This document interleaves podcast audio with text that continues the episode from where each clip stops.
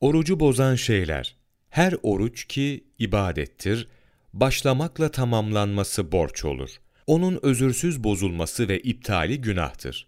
Orucun bozulması ve iptali, bozucu bir şeyle bozulması, onun şer'i hakikati olan belli şeylerden kendini tutmayı ihlal iledir. Başlanan oruç, Ramazan'ın edası olduğu takdirde, özürsüz bozulmasına dünyevi ceza olarak kefaret dahi gerekir. Orucu bozan şeylerin başlıcası yeme, içme ve cinsi temasta bulunmaktır.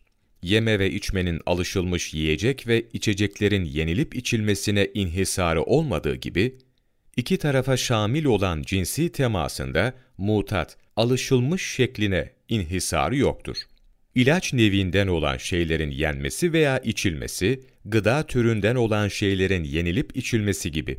Hatta ne gıda ve ne de deva olmak üzere yeme ve içmeye elverişli olmayan şeyin bile yutulması, imsake, kendini tutmaya aykırı ve orucu bozucu gibi olduğu gibi hüküne şırınga etmek, kulağa ilaç akıtmak, tütün içmek, enfiye çekmek, kusmak, dumanı boğaza, genize almak şeklinde tütsülenmek, cinsi temasta iki sünnet yerinin buluşması ve oynaşmakla meni inmesi de orucu bozucudur.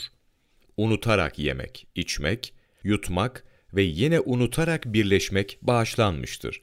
Hatırlandıktan sonra devam edilmemek şartıyla orucu bozmaz. Hata kazayı gerektirir. Mesela mazmaza ederken boğaza kaçan su, orucu bozmakla kaza gerekir.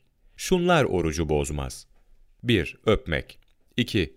İhtilam, hamamcı olmak 3. Sabaha kadar cünüp kalmak 4. Ağıza gelen balgamı yutmak 5. Burnu içine inen yaşlı çekip yutmak 6. Kulağına su kaçmak 7. Bir şey koklamak 8. Elinde olmayarak boğazına duman, toz veya sinek girmesi 9.